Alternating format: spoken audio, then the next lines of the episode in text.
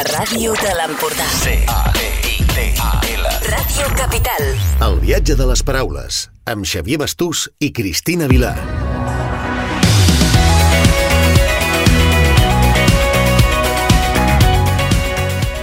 Benvinguts i benvingudes al Viatge de les Paraules, el programa de llibres i viatges de Ràdio Capital. Som en Xavier i la Cristina de la llibreria i agència de viatges La Viatgeria, que forma part del primer poble de llibres de Catalunya.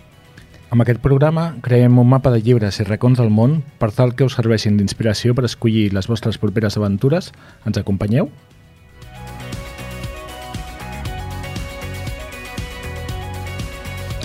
Com sempre, començarem amb la pila de llibres. Avui us portarem les nostres particulars llistes de llibres del 2022.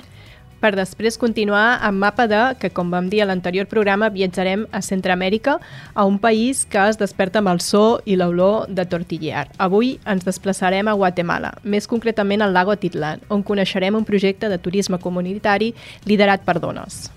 I acabarem amb la secció Sense destí, on parlarem d'un llibre que es va avançar a la seva època. I abans d'acomiadar-nos us donarem una pista sobre el país o indret del món sobre el qual parlarem en el proper programa. Pila de llibres. Hola Xavier, bon any. Has començat uh, alguna nova lectura aquest 2023? Hola Cristina i bon any. Doncs no. Encara estic entretingut mirant les llistes, rànquings, recomanacions que surten al final de cada any amb els llibres publicats. Saps què passa? que hem acabat el 2022 on he vist més de 50 llistes diferents de mitjans, llibreries, editorials, personals, on cadascú ha dit la seva. En tot aquest rànquing, seleccions, etc, hem trobat títols que també posaríem a la nostra llista, n'hi ha que no els posaríem mai, que els trauríem, i un grapat que no coneixíem i que potser aniran a parar a la nostra pila de llibres pendents. bueno, bàsicament tot aquest rotllo és només per dir-te que tinc ganes de fer la meva pròpia llista i, i ara us, us la plantejaré. I Perfecte. també et demano que mm. facis tu un top 5 amb les teves lectures del 2022. Et sembla bé? Perfecte. Com has preparat aquest rànquing de llibres publicats al 2022? Eh, més que rànquing, eh, no m'agrada la paraula rànquing, mm. no la comparteixo. És a dir, el número 4, per X raons que a mi m'agradi, no és millor que el 6 i tampoc perquè una novel·la que ha sortit al novembre no tingui el mateix recorregut ni ressò que una novel·la que hagi sortit al febrer o al març. Llavors, més que rànquing, destacats. Anem a, anem a dir els destacats. Perfecte, doncs per quin comencem?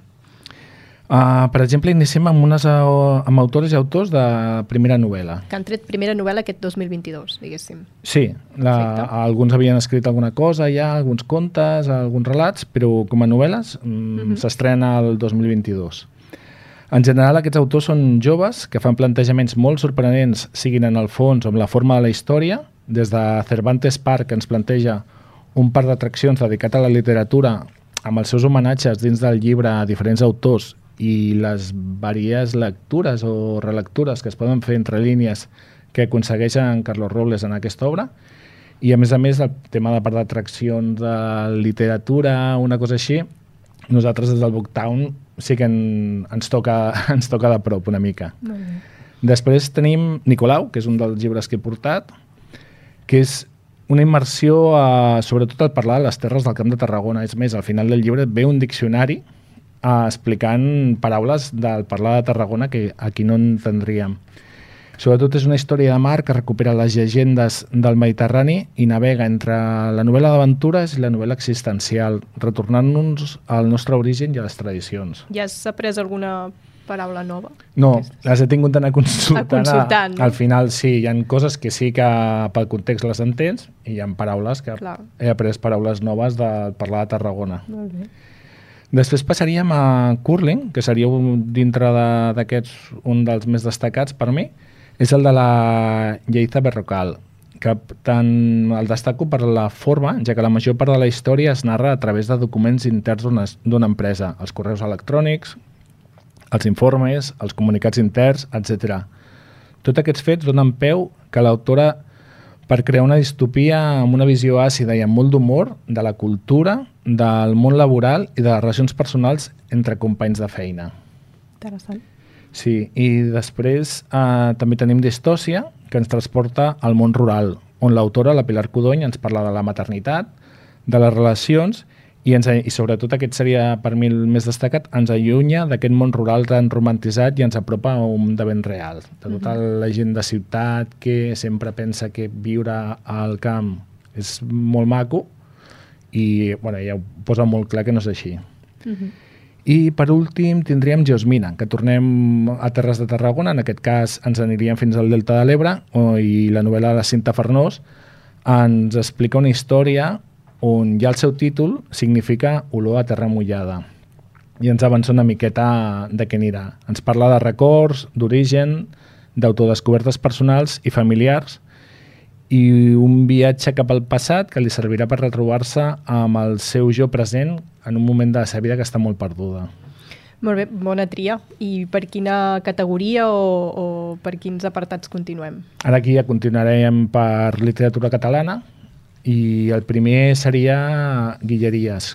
És com una reivindicació d'un western rural ambientat a Catalunya, amb el paisatge com a protagonista, tota la serra de les Guilleries, fa que ens atrapi. A més, la prosa d'en Ferran Garcia, que és, és un, un gran poeta, també ajudant a, a tot això. El segon llibre seria Mamut, de l'Eva Baltasar, que amb aquest tercer llibre tanca una mena de trilogia que va començar amb Boulder i Permagel.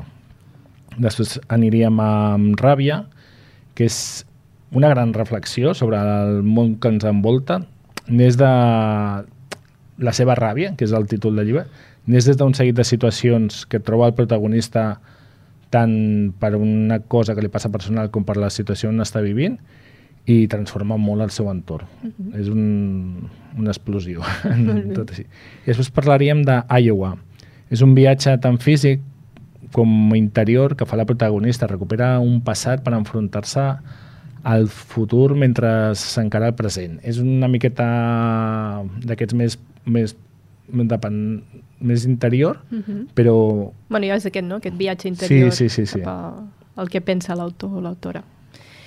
I en, ens anem cap a la literatura en llengua espanyola? Molt bé, que ho has ja acertat. fàcil. Sí. Aquí farem dues parts. Farem per una banda autors espanyols i per l'altra banda farem autores llatinoamericanes. Perfecte. Entre els espanyols destacar-ne tres. Uh, el peligro estar cuerda, La família i Facendera. El peligro estar cuerda, la Rosa Montero ens porta a un món on barreja la ficció i l'assaig i ella defineix el seu propi llibre uh, amb aquesta frase que és eh, las hadas nos dan un don y nos hacen pagar un precio por él. Los normales no pagamos ese duro precio, pero corremos el riesgo de morir de tedio, en lugar de morir d'amor. Aquesta seria una definició molt maca de, del que ens espera en aquest llibre. Ja diu molt. Per l'altra banda tenim a la Sara Mesa, que ens ha presentat aquest any La família.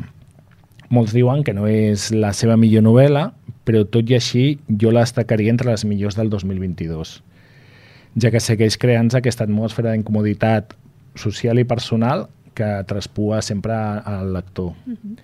I per últim estem amb Facendera.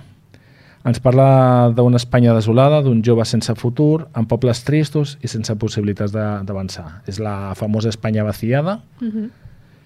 I després ja passem a la llatinoamericana, on aquí tenim Trajiste contigo el viento, que ens transporta a un poble andí amb tot el seu univers, la seva cultura, les seves llegendes i les pors sobre la supervivència d'aquest poble i de la gent que el forma.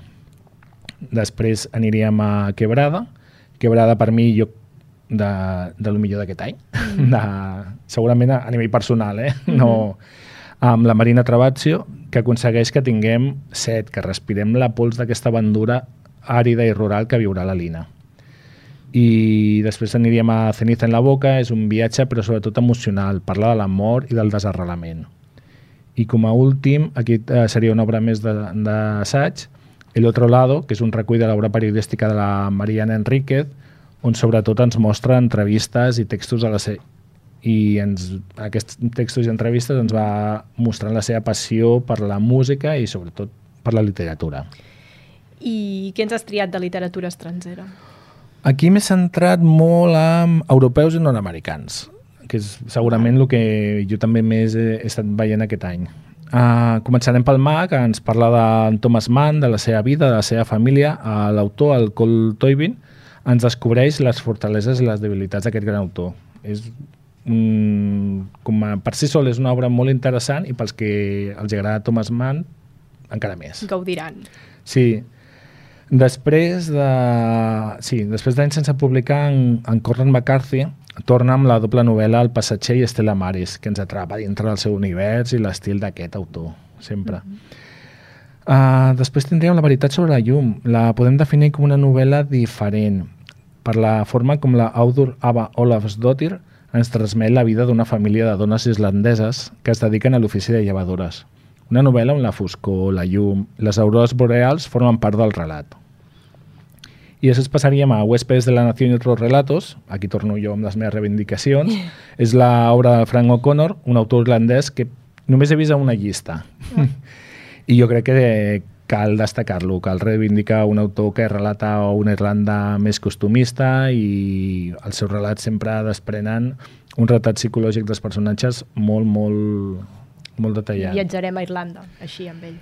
Uh, una Irlanda dels anys 50, 40, 30, però sí, mm, amb personatges que, que tenen molt de contingut. Després aniríem amb l'ala dreta de Cegador 3 del Mir Mircea Cartarescu, l'autor romanès, un dels aters nominats sempre al Nobel, que amb el seu estil propi ens ha presentat la tercera part de la seva gran obra Cegador. Continuaríem amb Memòria de la memòria. És una història on la mort d'una tieta fa que la protagonista hagi de buidar un pis amb tota una vida de records que ens portarà a resseguir la vida d'una família durant 100 anys a Rússia. I ja per últim, amb aquests tindria a los Effinger. És una altra família, en aquest cas són jueus, viuen a Berlín des de finals del segle XIX i on durant el principi del segle XX prosperen socialment fins a l'arribada de la Segona Guerra Mundial. Aquí, en aquesta història, veurem el millor i el pitjors moments de quatre generacions d'una mateixa família i a la vegada descobreixes la cronologia social i política d'alguna ciutat.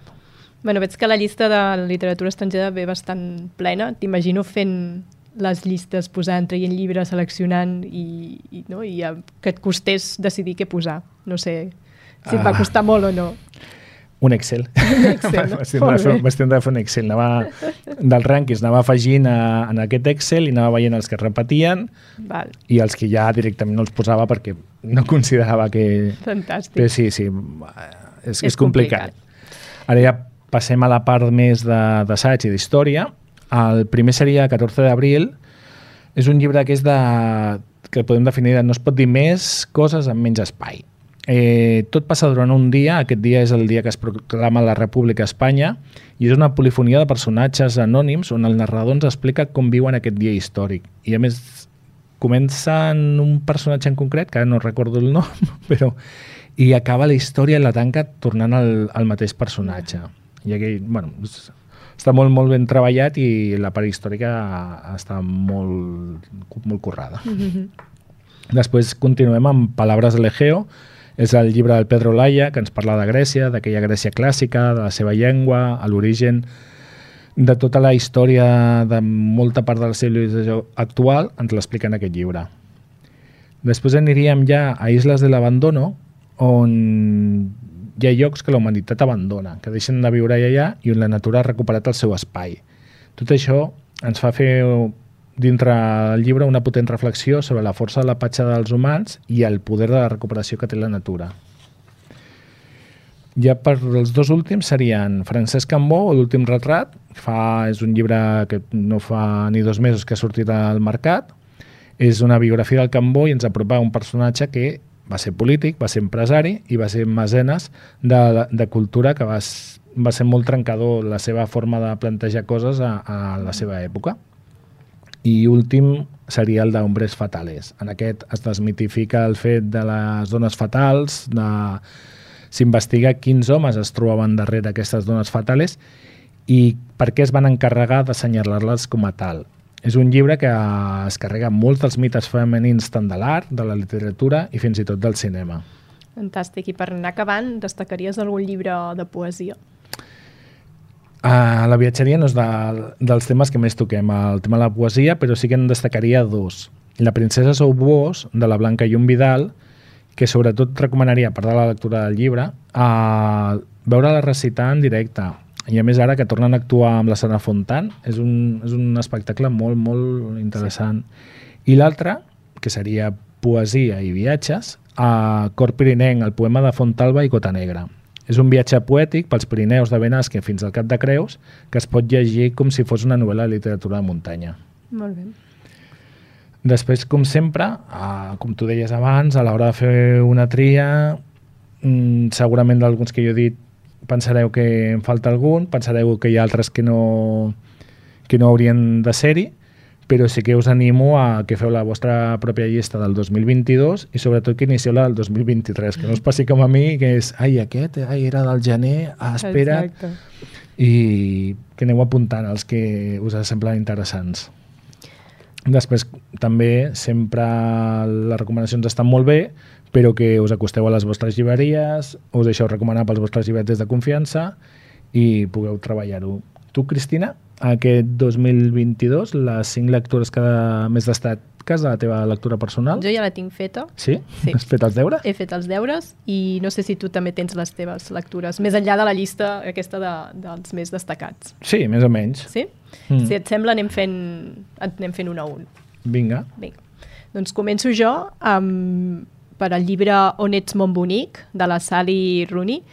El que em va passar amb aquest llibre és que a mesura que el vaig començar a llegir vaig entrar a conèixer els personatges i com es relacionaves en, entre ells, em vaig oblidar completament del nom del llibre. Realment l'autora et comença presentant els personatges um, i, i d'alguna manera t'endinses no? en ells. Trobem l'Alice, que és una escriptora d'èxit que, ens, que es refugia en una mansió d'un poble allunyat de, de Dublín i a partir d'ella anem coneixent en Fílex, l'Aileen i en Simon l'Aileen i l'Alice eh, es comuniquen per correu electrònic, es fan llargues comunicacions a través d'e-mail i s'expliquen com els hi va la vida, eh, a vegades retrocedeixen cap al passat, se'ls escapa algun retret entre elles i veiem com les vides de cada una d'elles s'han anat separant, però tot així intenten mantenir el, el lligam. Quan estava immersa la trama dels personatges, ja sabia qui era qui, uh, ja me'ls havia fet meus, d'alguna manera de cop i volta apareix el tema, no? el tema amb, amb majúscules. No ens faci spoilers, eh? No, no, no són spoilers perquè està en el nom del llibre, val? Um, i aquí va ser quan, quan em va, ten, em va tornar a venir justament el nom del llibre aquest és On ets, mon bonic. I recordo el moment just um, que estava, que, que en el meu, el meu cap va fer el clic, i és que estava dalt d'un avió tornant de la Patagònia cap a Santiago de Xile i hi havia una posta de sol espectacular a la, a la, des de l'avió es veia, no? Era, bueno, super maca. I me la vaig quedar mirant fins que, fins que es va fer fosc. Vaig deixar el llibre i d'alguna manera el llibre en aquell moment t'animava que escrivissis, que, és, que era per tu la bellesa, no? aquells moments bonics. I durant el viatge n'havia viscut tants, vaig anar a buscar els detalls més petits per escriure-ho.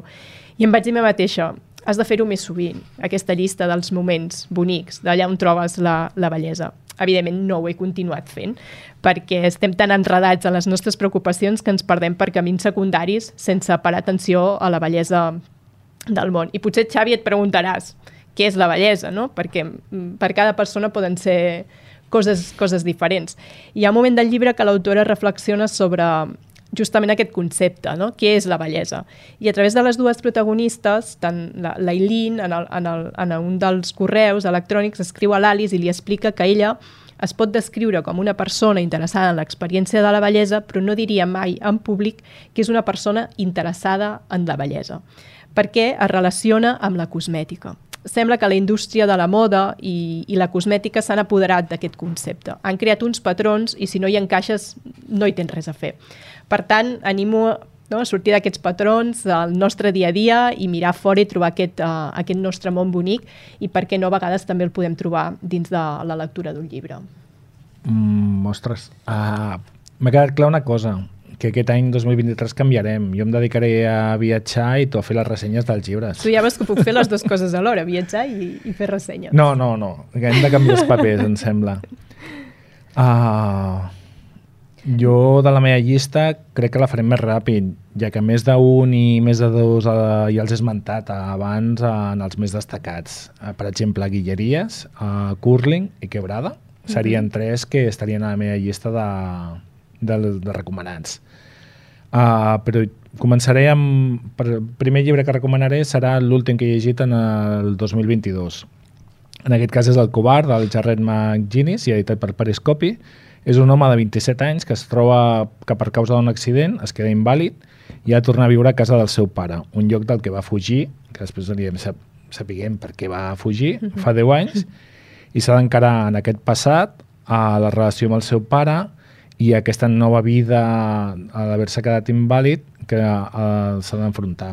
A més a més, tota aquesta història és història biogràfica de l'autor.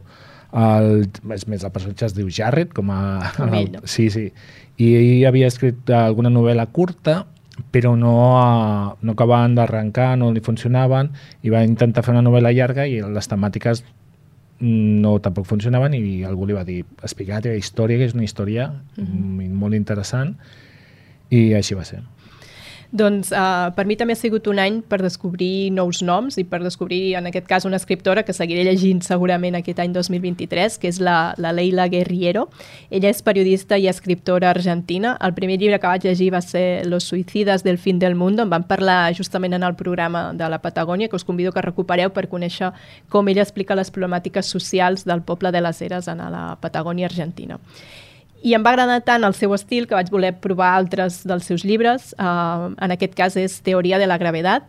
És un recull de les columnes publicades al diari El País, utilitza l'estil periodístic i a la vegada la literatura per parlar de temes quotidians, transformar-los en anècdotes interessants que fins i tot t'hi pots sentir identificat. Sobretot parla de relacions humanes, família, parella, amics. Són textos curts que en podem llegir un o dos al dia, però enganxen perquè tot i ser articles independents, la Leila hi, hi deixa un, un petit fil conductor que podem anar seguint. Pot ser un bon llibre per a aquelles persones que esperen la seva columna preferida dels diumenges per llegir-la mentre assaboreixen un bon cafè. Aquests petits moments de felicitat s'allarguen quan tens teoria de la gravetat a les mans.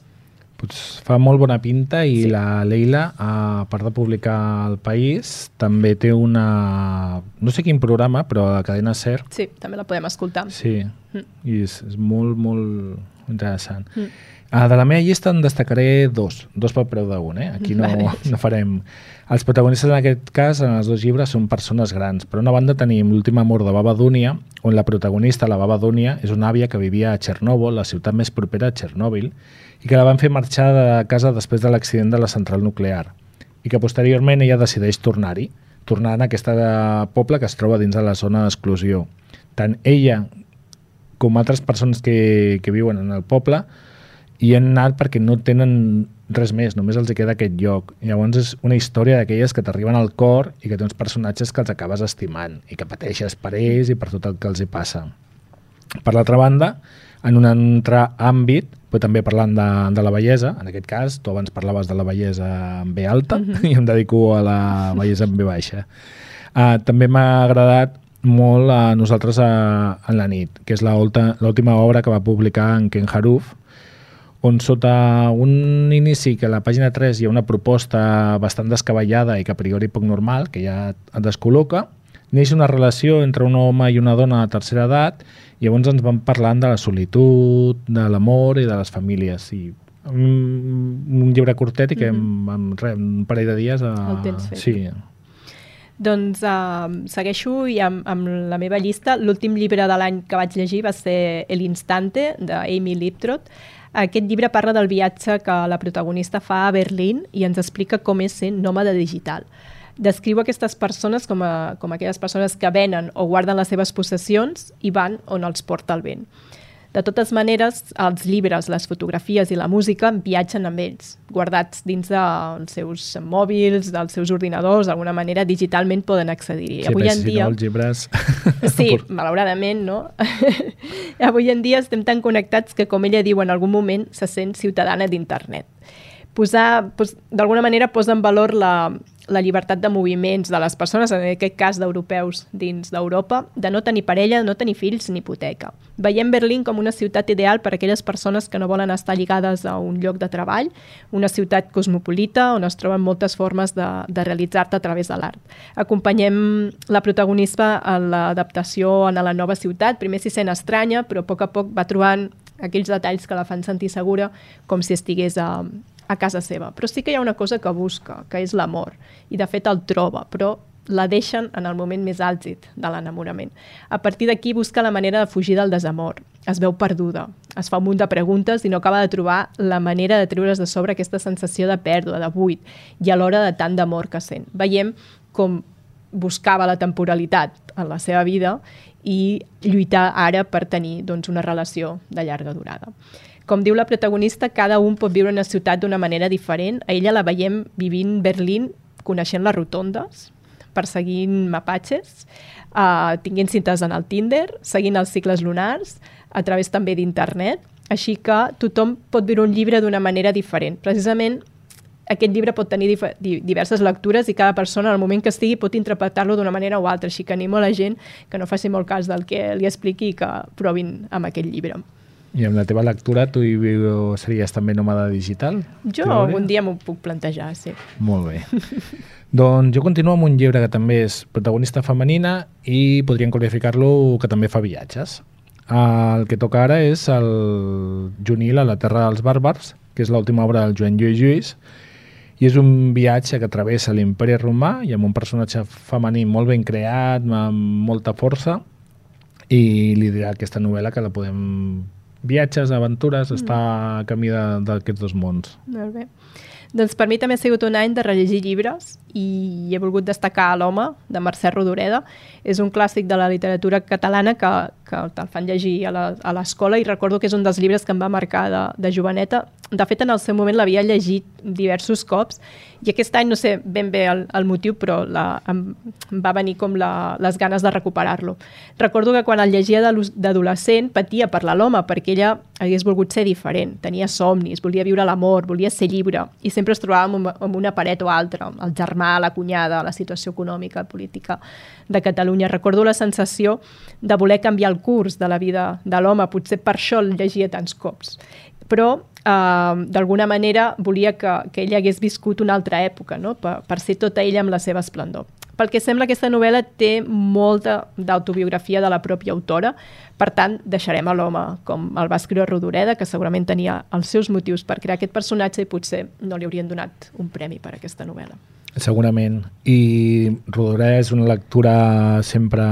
Sempre cal recuperar. Sí, vas a, jugues a cavall guanyador. Mm. Aquest any la Mercè Ibarz ha publicat un parell de llibres mm. um, sobre l'obra de la Mercè Rodoreda. És uh, molt interessant. Dels meus llibres, a l'últim acabarem amb 4.000 setmanes. És un llibre que ara, del que molt a dir ara, management, on 4.000 setmanes és el temps mitjà que viu una persona i que quan el llegeixes el llibre ja t'avisa que segurament l'estàs llegint i ja has consumit la meitat o més d'aquesta quantitat. És un inici d'aquest de... Però és cert, eh, 4.000 mm-hmm. setmanes vindria a ser uns gairebé 77 anys, és a dir, si el, la lectura la fas a partir dels 37, 38, ja estàs a, ja estàs a meitat d'aquestes 2.000 setmanes. Però tot i això, tot i aquest inici semideprimient, eh, després t'avisa que ja has consumit aquestes setmanes, eh, és una defensa que el temps és el que és i que no pots assumir més que hi ha aquestes i que les has de, i que has de decidir en què dediques aquest temps. Aquesta és la part important del llibre, t'explica de què has de fer i què has de decidir per en què vols gastar el temps. El llibre aprofundeix en molt més que aquest resum que acabo de fer, però sí que m'ha agradat perquè no segueix l'estil dels llibres d'aquesta de, categoria, del management, que sempre és de, de fer més, més ràpid, millor, per tenir més temps per fer encara més coses. Si no és de parar, reflexionar i fer-te una sèrie de preguntes. Doncs bé, l'últim llibre uh, que, que, que de la meva llista va lligat una mica al que expliques, és uh, La pausa, Um, em vaig sentir identificada quan vaig llegir la, la part de no eres una lista de tarees. Just havia acabat un curs de gestió del temps i, i uh, d'alguna manera havia arribat a la conclusió que tot ho havia de posar en una llista de tasques per evitar les preocupacions. Feina, vida personal, etc etc.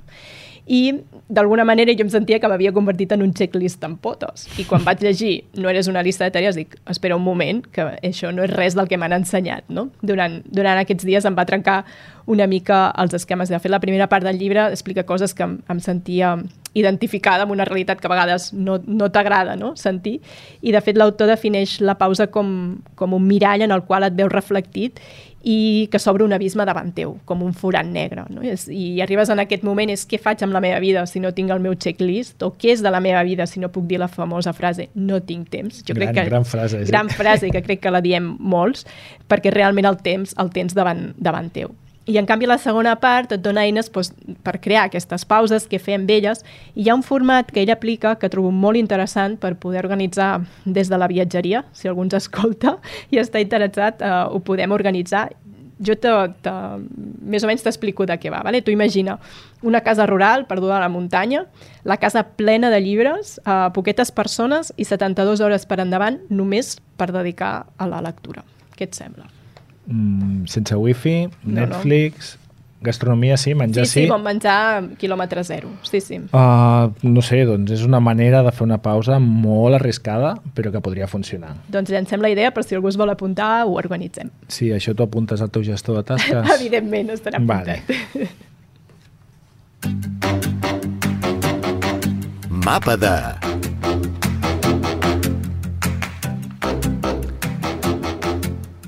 A l'anterior programa vam viatjar a Senegal i ens va parlar del turisme solidari i del voluntarisme, donant detalls de com fer aquest tipus de turisme d'una manera beneficiosa per la destinació i les persones.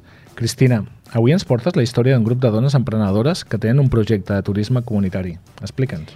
Doncs sí, ens situem al lago Atitlán, a Guatemala. Aquest llac és d'origen volcànic. No acaben de saber ben bé com es va formar, però s'ha convertit en un dels llocs més bonics del món pels seus impressionants paisatges de muntanyes verdes i volcans rodejats de núvols. Al voltant del llac es reuneixen una sèrie de pobles, entre ells Santa Caterina Palopó, Panajachel, San Pablo la Laguna o Santa Cruz la Laguna. Són pobles indígenes que mantenen les seves tradicions i les costums ancestrals. La seva activitat econòmica es basa en turisme, agricultura, pesca i artesania. A nivell social, Guatemala és un país on el 51,5% de la població són dones i el nivell de masclisme, racisme i discriminació és un dels més alts de Llatinoamèrica.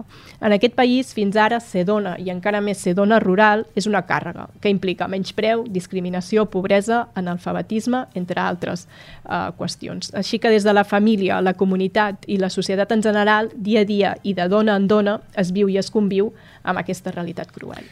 Doncs ens pintes un país complicat, complicat per la dona i ara que ja estem situats en aquest context geogràfic i social de Guatemala, exactament on ens situem i què fa aquest projecte de turisme comunitari? És a Santa Cruz la Laguna, on es situa la història que avui explicaré. En el poble s'hi havia instal·lat una ONG que treballava amb un grup de dones i, i els seus fills. Algunes d'elles són la Juana, la Anna, la Paula, la Paulina, la Francisca, la Helena i l'Alejandra. Aquesta ONG en, eh, en principi els hi proporcionava les eines perquè poguessin desenvolupar la seva pròpia feina i ser independents econòmicament. A més a més, acceptaven voluntaris per passar un dia amb, amb elles i així ajudar-los a desenvolupar algunes tasques. En aquest punt de la història entra un altre protagonista, que és la Anne Dávila, una noia basca que estava estudiant liderazgo, emprendimiento i innovació a la Universitat de Mondragón. Un dia decideix que vol fer un voluntariat, busca informació a internet i troba la ONG de Santa Cruz la Laguna. Escoltem quines van ser las seves motivacions. La primera vez que me fui a Guatemala fue un viaje que hice sola para escaparme de mi rutina y encontrarme a mí misma, ¿no? poder reflexionar sobre lo que estaba haciendo, sobre lo que quería hacer y al mismo tiempo pues quería contribuir a la, a la comunidad, por lo que me puse en contacto con una ONG eh, que trabajaba con un grupo de mujeres y un grupo de niños. Mi mayor inquietud era conocer el día a día de, de mujeres que vivían ahí en, en la comunidad y, y, sus rutinas, al igual que sus derechos de optar por un trabajo, ¿no? O, o qué tipo de trabajos eran los que ellas hacían, si los hacían. Doncs aquestes motivacions o similars són les que han tingut i tenen moltes persones que volen viatjar i fer un voluntariat per aportar el seu gra de sorra. L'Anne arriba allà i el que comença a, a descobrir és una altra realitat. La situación que me encontré en Santa Cruz una vez allí fue lamentable y, horrible. mm, había una falta de transparencia por parte de la organización impresionante y, un chantaje y una explotación y violación de los derechos de las personas, ya no solo laborales, sino personales, de no remunerar el trabajo que estaban haciendo, de generar falsas expectativas y todo esto de una manera individual. Por lo cual yo en el día a día trabajando con el grupo de niños, que a su vez eran los hijos de las mujeres con las que iba trabajando, pues entrevistaba a las madres para saber cómo era su día a día y el trabajo con la organización. Como fui una de las primeras voluntarias que fue a esta organización y hablaba español, pude ver muy fácil eh, lo que estaba pasando ¿no? y que la situación individual de cada mujer realmente no era individual, sino que era colectiva y todas estaven siendo atravesadas por eh, este trato por parte de la organización. En aquell moment comença a pensar com podria fer que aquestes dones poguessin organitzar-se per elles mateixes i que els beneficis repercutissin directament a elles i a les seves famílies, sense passar per cap organització que les enganyés ni les explotés. Abans calia passar per un procés de desvinculació amb aquesta suposada ONG. Una vez en esta situación, eh, yo seguí trabajando con el grupo de mujeres, pero no con la organización, y denunciamos también esta iniciativa a través de dos periodistas que justamente se estaban dedicando a ello, ¿no? a cómo impacta el turismo en la comunidad local. Entonces ellos se encargaron de toda la parte de, desmontar ¿no? la organización y por mi parte eh, animé a las mujeres a que compartiesen todo lo que me habían contado en, entre el grupo. Entonces ellas decidieron que querían empezar algo nuevo y empezaron a compartir muchos sueños y habilidades que tenían y yo ahí vi muy claro el poder que tenían estas mujeres realmente, eh, el valor que podrían tener para empezar un, un, pequeño emprendimiento y su propio proyecto. Y yo que venía de estudiar liderazgo, emprendimiento e innovación, de repente veía mucho sentido en que estas herramientas fuesen compartidas con esa comunidad para que empezasen a hacer de su día a día su trabajo y no depender más de estas organizaciones que normalmente además eran europeas o americanas. I a partir d'aquí l'ANE fa de facilitadora i sorgeix la idea de crear experiències turístiques. Al principio empezamos formando el equipo y yo me encargaba más ¿no? de facilitarles diferentes herramientas eh, de formación y acompañarles a su toma de decisiones y, y, diseñar una primera actividad, que ellas querían que fuese el turismo, ya que llevaban años trabajando con, con turistas y tenían muy claro cómo no querían hacerlo y cómo sí que querían hacerlo. Entonces, a través de estas herramientas empezaron su propio proyecto y, y a día de hoy casi está siendo autogestionado por ellas y yo me estoy desvinculando un poco, ¿no? Siempre apoyándoles desde la parte más digital o de los retos que ellas puedan tener. I així neix Mujeres de la Luna, un nom que es van posar elles mateixes i comencen a organitzar-se amb l'ajuda de l'ANE. Fan alguna prova pilot d'experiència turística, surt bé, i comença també a sorgir la idea de crear un voluntariat. Però no volia que es pogués relacionar amb un voluntariat com, que fos com els de sempre, tenint en compte el que va viure l'ANE en primera persona i per tant decideix donar-li un altre nom. Hace ahora justo un año me junté con Alain y Malen, que son otras dos emprendedoras que están alineadas con los valores que tiene Mujeres de la Luna, y empezamos a idear cómo podríamos incrementar el impacto que teníamos con el proyecto. En ese entonces las mujeres llevaban un año de experiencia organizando talleres culturales que podrían ser desde cocina tradicional a artesanías o sauna tradicional y queríamos organizar un viaje más largo para que diferentes turistas del país pudiesen experimentar esto. Es así como nos pusimos a analizar eh, lo que estaba sucediendo ahora mismo y el mercado. Y ahí dimos con dos claves. Para empezar, la mayoría de viajes de turismo comunitario o de voluntariado que se organizan eh, creemos que se hacen desde una perspectiva de Salvador Blanco, es decir, nosotras como personas europeas nos centramos en qué problemáticas creemos que tienen y cómo solucionarlas sin ni siquiera tener una perspectiva o una empatía local y por otra parte que el turismo podría ser regenerativo y una vía para apoyar realmente el desarrollo tanto personal como profesional de las personas locales que estaban detrás del proyecto.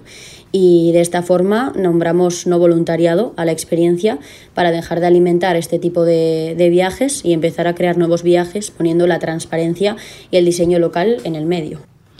I veuen que la idea d'aquest no voluntariat es podria fer realitat i comencen a treballar amb les dones de la comunitat per organitzar el viatge. El no voluntariado fue una experiencia de dos semanas en las que las personas se quedaron a dormir en casas locales y experimentaron con la comunidad de dos maneras. Había un dar de lo que los turistas podrían aportar.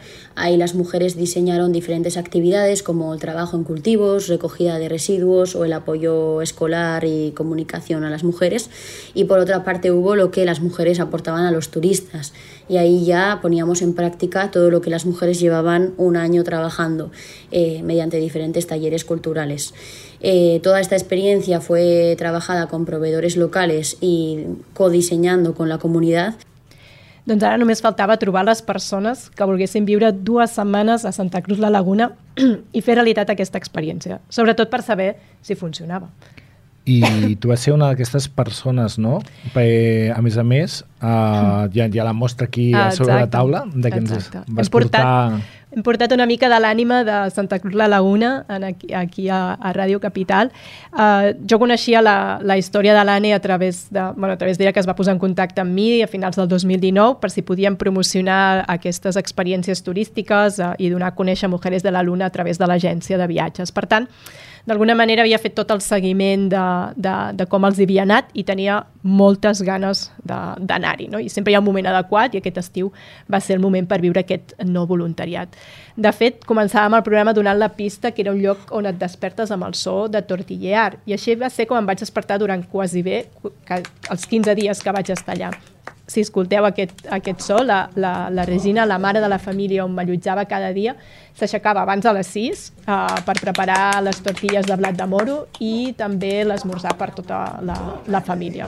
A la cuina sempre hi havia un cubell amb gra de blat de moro, el portava en el molí comunitari del poble i tornava amb el gra molt i començava a fer la pasta. Després l'agafava una mica de pasta amb les mans i feia aquesta acció com d'aplaudir, no? que és com, com donen forma a la tortilla, que no és fàcil, eh? que sembla fàcil i no ho és, i ho posen en el foc.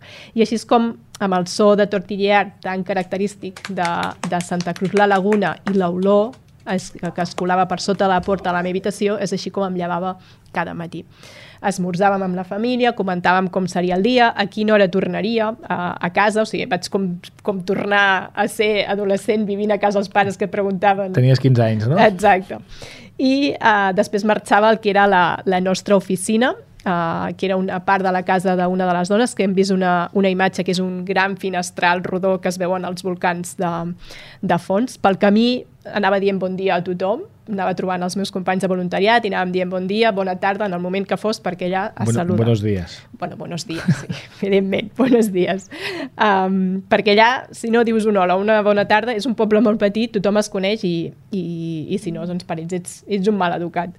El voluntariat estava molt ben organitzat, teníem el programa dia a dia, sabíem quines tasques havíem de, de fer i l'objectiu principal era poder ajudar les dones a millorar les experiències turístiques, però no només centrar-nos en això, sinó també en tot el que les envolta.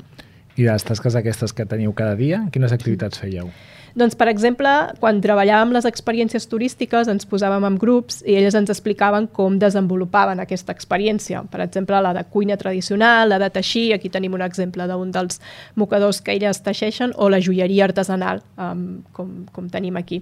Els hi donàvem idees de com podíem millorar, inclús fèiem una espècie de, de teatrillo, no? ens, ens, nosaltres ens posàvem el paper de turistes i, i els dèiem quins punts podien millorar, i sobretot aspectes de comunicació amb el, amb el turista. No? Per exemple, els hi, vam, els hi vam escriure una sèrie de preguntes que podien uh, preguntar quan venien temes els turistes. De conversa. temes de conversa per poder establir un lligam, un vincle amb, amb, el, amb el turista.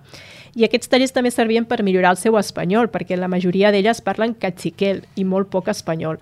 Dinàvem totes juntes, d'alguna manera intentàvem barrejar-nos no? perquè, perquè fluís la, la conversa. A vegades la comunicació era complicada perquè però perquè hi havia paraules que potser no coneixien, que elles no sabien traduir, però ens acabàvem entenent perfectament i fins i tot algun cop s'havien creat situacions divertides, no? quan no, no t'entens amb algú. Elles es fan moltes bromes entre elles, riuen molt, nosaltres a vegades no enteníem res del que passava, però t'acaba acaba rient no? Perquè, per la situació, i així és com es crea un sentiment de, de comunitat.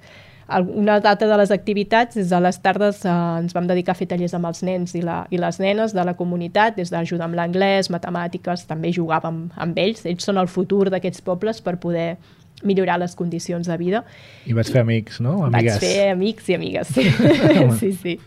I una altra de les tasques també era més, més al poble, més relacionada amb el poble, era la recollida d'escombraries perquè no tenen cap sistema.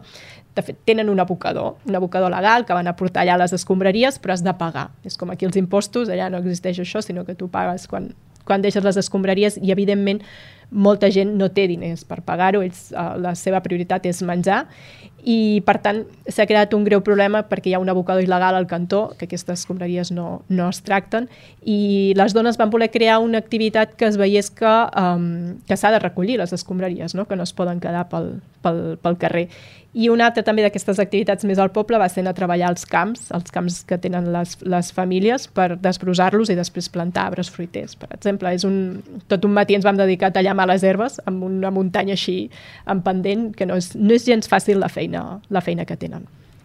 Però per el que em expliques, quan compartíeu el dia a dia, Uh, us vau trobar que hi havia un, un xoc cultural entre la vostra percepció i la seva? Home, els primers dies sí. Només com, com a exemple, quan vam conèixer les dones que seria la nostra família d'acollida, vam fer una primera dinàmica per conèixer uh, què és el que ens agradava fer. El grup de voluntaris vam dir coses tipus llegir, uh, passar temps amb els amics, uh, viatjar, i en canvi elles uh, van dir coses com escombrar, teixir, cuinar o fer la bugada. Aquí potser algú li pots preguntar i et pot dir que li agrada cuinar com a ofici o inclús com, com a hobby, però per elles eh, al final significa donar menjar a la família, no? poder tenir l'aliment que no sempre està disponible. O preguntes com esteu casades, esteu casats, uh, com és que, que no esteu casats i esteu vivint amb la vostra parella? O sigui, són coses que, que els xocava perquè allà no passa, les dones es casen i van a, la, a casa del, del marit. I, en, I al final aquest sentiment de comunitat es va crear perquè, tot i tenir aquesta distància, no, uh, no ens vam jutjar en cap moment, sinó que va haver com, un, com un, una curiositat per amb dues parts per conèixer més, no? perquè, uh, per exemple, la, la, la Regina, que és la, la mare, no? la meva mare d'allà, de, de Santa Cruz, quan està a casa seva, clar, per ella la, la casa seva és el nucli principal d'on passa tot, és la, la seva família és el nucli, allà és on es viu, on és el punt més important i per ella escombrar la casa era una cosa molt important. Però per què creus que hi ha aquesta distància tan abismal entre aquestes dues formes de viure? Doncs per una banda perquè és una regió aïllada dins de, de Guatemala, el lago Titlán, polítics corruptes, i una part dels indígenes també volen quedar-se com estan. Ells veuen com els que anomenen ells rics, que els volen prendre les terres i la seva manera de viure. I també és un lloc on la religió hi juga un paper molt important i l'Església Evangèlica té poder sobre els interessos i les decisions del poble.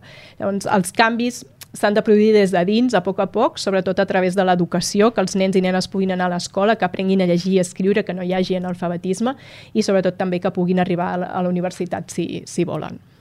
I més enllà de la població on estava o a prop del llac i fent les activitats amb les famílies i en aquest cas amb les dones, Ah, vau fer turisme a altres pobles? Vau conèixer algun més de Guatemala? Sí, uh, molt poc, perquè la idea era fer turisme local. A la, abans d'arribar al lago Atitlán vam passar per Antigua i durant els 15 dies que vam estar al lago Atitlán vam visitar diversos pobles del, del voltant, però, però la idea era això, fer turisme local dins un mateix pa país per deixar una bona petjada en el lloc i sobretot ajudar a la comunitat.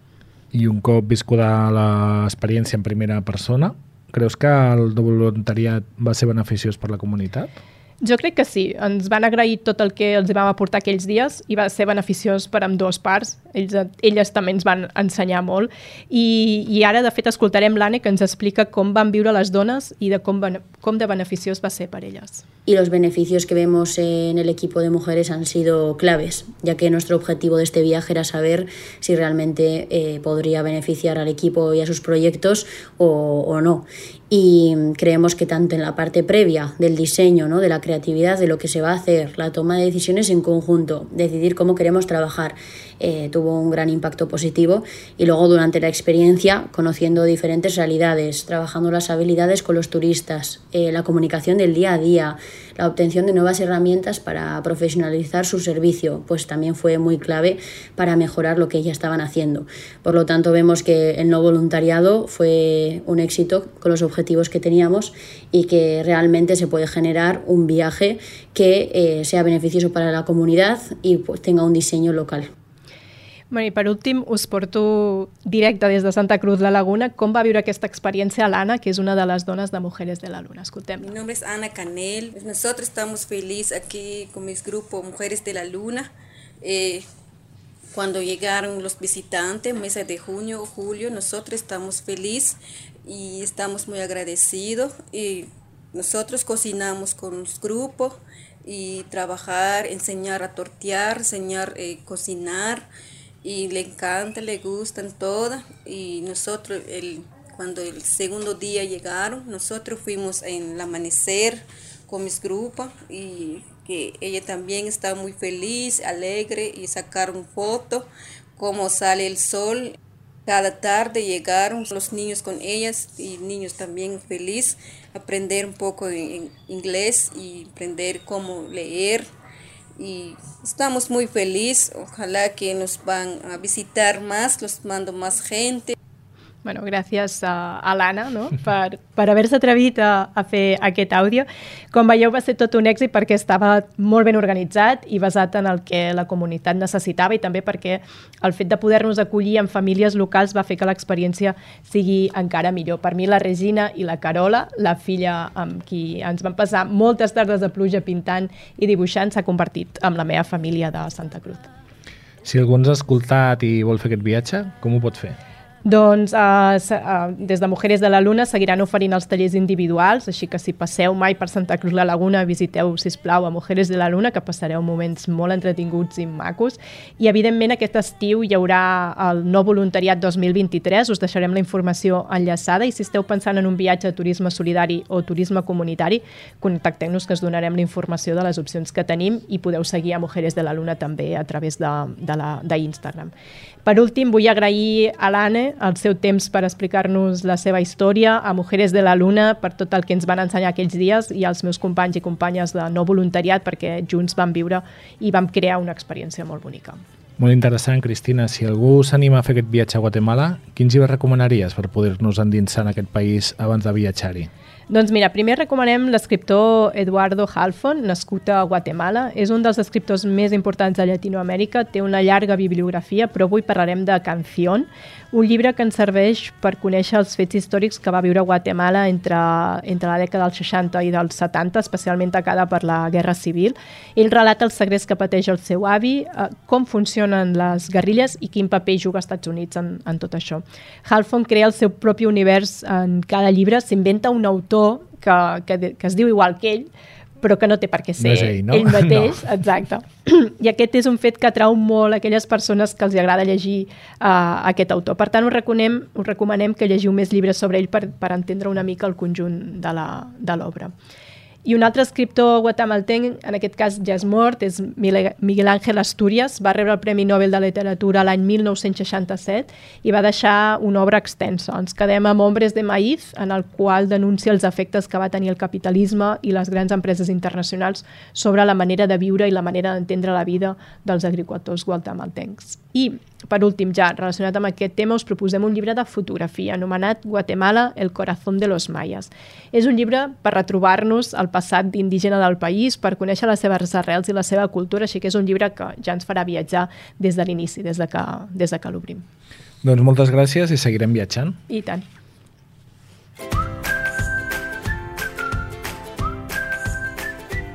Sense destí. Cristina, suposo que aquests dies de Nadal, que has passat a, de ben segur amb dinars familiars, sopar amb amics i un llarg, etc d'hores de sobretaula amb gent que de vegades no veus habitualment i que tens ganes de veure i que teniu moltes coses per explicar-vos. Ha sigut així? Sí, sí, tal qual. Les festes de Nadal habitualment són dies per fer aquestes coses. Doncs si ha sigut així, quan ha trigat la gent a treure els telèfons, a perdre la comunicació entre les persones i a, com a molt, dedicar-se a compartir memes, fotos i altres per diferents grups del WhatsApp? Doncs sí, en tots els casos ha passat bastant això. En algun moment o altre tothom acaba baixant el cap no? i, i fixant-se només en el, en el seu telèfon. Bé, pues, com que vinc una miqueta cremat de, amb aquest tema i aquests dies de Nadal, el llibre que us proposo va una miqueta d'això, indirectament ja que si jo ara et dic que el llibre parla de que la gent viu individualment cadascú a una casa o un espai incomunicat, que prefereixen les coses artificials a les naturals, que les visites al metge no existeixen, sinó que són a través d'un metge virtual, que si vols assistir a una conferència ho fas pulsant un botó per rebre la imatge i el so, i que qualsevol pregunta o dubte que tinguis o consulta un tema que no en sàpigues ho fas al libro de la màquina. Que les persones han eliminat el contacte humà fins a considerar que tocar-se és una cosa de mal gust i que tot l'anterior que t'he explicat està dirigit i depèn d'un gran ens que s'anomena la màquina. Ara contesta'm si et sona familiar tot el que t'he explicat i de quin any creus que és aquest llibre. Doncs sí, tot això em sona familiar. L'any no el dic perquè ja he vist el guió, però sense, però sense aquesta informació jo diria que a finals del 90, principis del 2000, que l'autor podria intuir aquest futur proper, aquest futur una mica domòtic, no? Doncs quasi, quasi. Ens hem desviat per gairebé 100 anys de diferència. La màquina separa del E.M. Foster, que és el llibre que parlarem avui, es va publicar originalment a l'any 1909, quan no existia ni internet, Google, Zoom ni res de semblant. Dibuixa aquest món com una distopia en base al que ha viscut ella la revolució industrial. És un món on les persones viuen en cambres individuals a sota terra i connectades amb la resta del món gràcies a la tecnologia de la màquina, que cada vegada és més poderosa i més autònoma dels humans. En Foster observava la revolució industrial i veia en ella una manera de desvincular les persones de la Terra. De fet, al principi del segle XX, a Anglaterra, ja existia el moviment Tornar a la Terra. Així que no m'he inventat res amb el neoruralisme ni totes aquestes accions que es fan ara. Per tant, és un llibre que és, per mi és una bona reflexió. No us explico què li passa al protagonista de la història, perquè si us pregunto que, que us imagineu què passaria si la màquina es para, Interessant. doncs, per acabar tenint en compte que en la nostra època la intel·ligència artificial i altres tecnologies hi ha moments que espanten, totes les IAs ara que fan fotografia digital, eh, fan text, fan mil coses, i cada vegada són més autònomes, penso que aquesta lectura és un bon inici per reflexionar cap a on volem anar i així que us convido a llegir aquest llibre per iniciar el 2023. Fantàstic, moltes gràcies.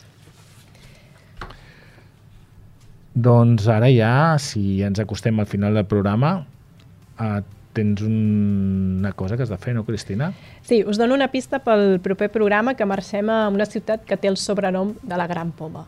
Posat fàcil. Amb aquesta pista que és difícil, molt difícil saber on anirem, uh, acaba el, el viatge de les paraules d'avui. Recordar-vos, com sempre, que quan pugueu compreu els llibres a les vostres llibreries de proximitat. Moltes gràcies per acompanyar-nos, esperem que us hagi servit d'inspiració. Gràcies a l'equip de Ràdio Capital podeu escoltar els podcasts dels programes a la web de Ràdio Capital i ens podeu trobar a les xarxes socials com La Viatgeria o venir-nos a visitar a Calonja, carrer de la Rutlla número 12, on us podem recomanar llibres i destins per viatjar. Moltes gràcies i fins al proper programa. Viatja amb nosaltres sempre que vulguis a radiocapital.cat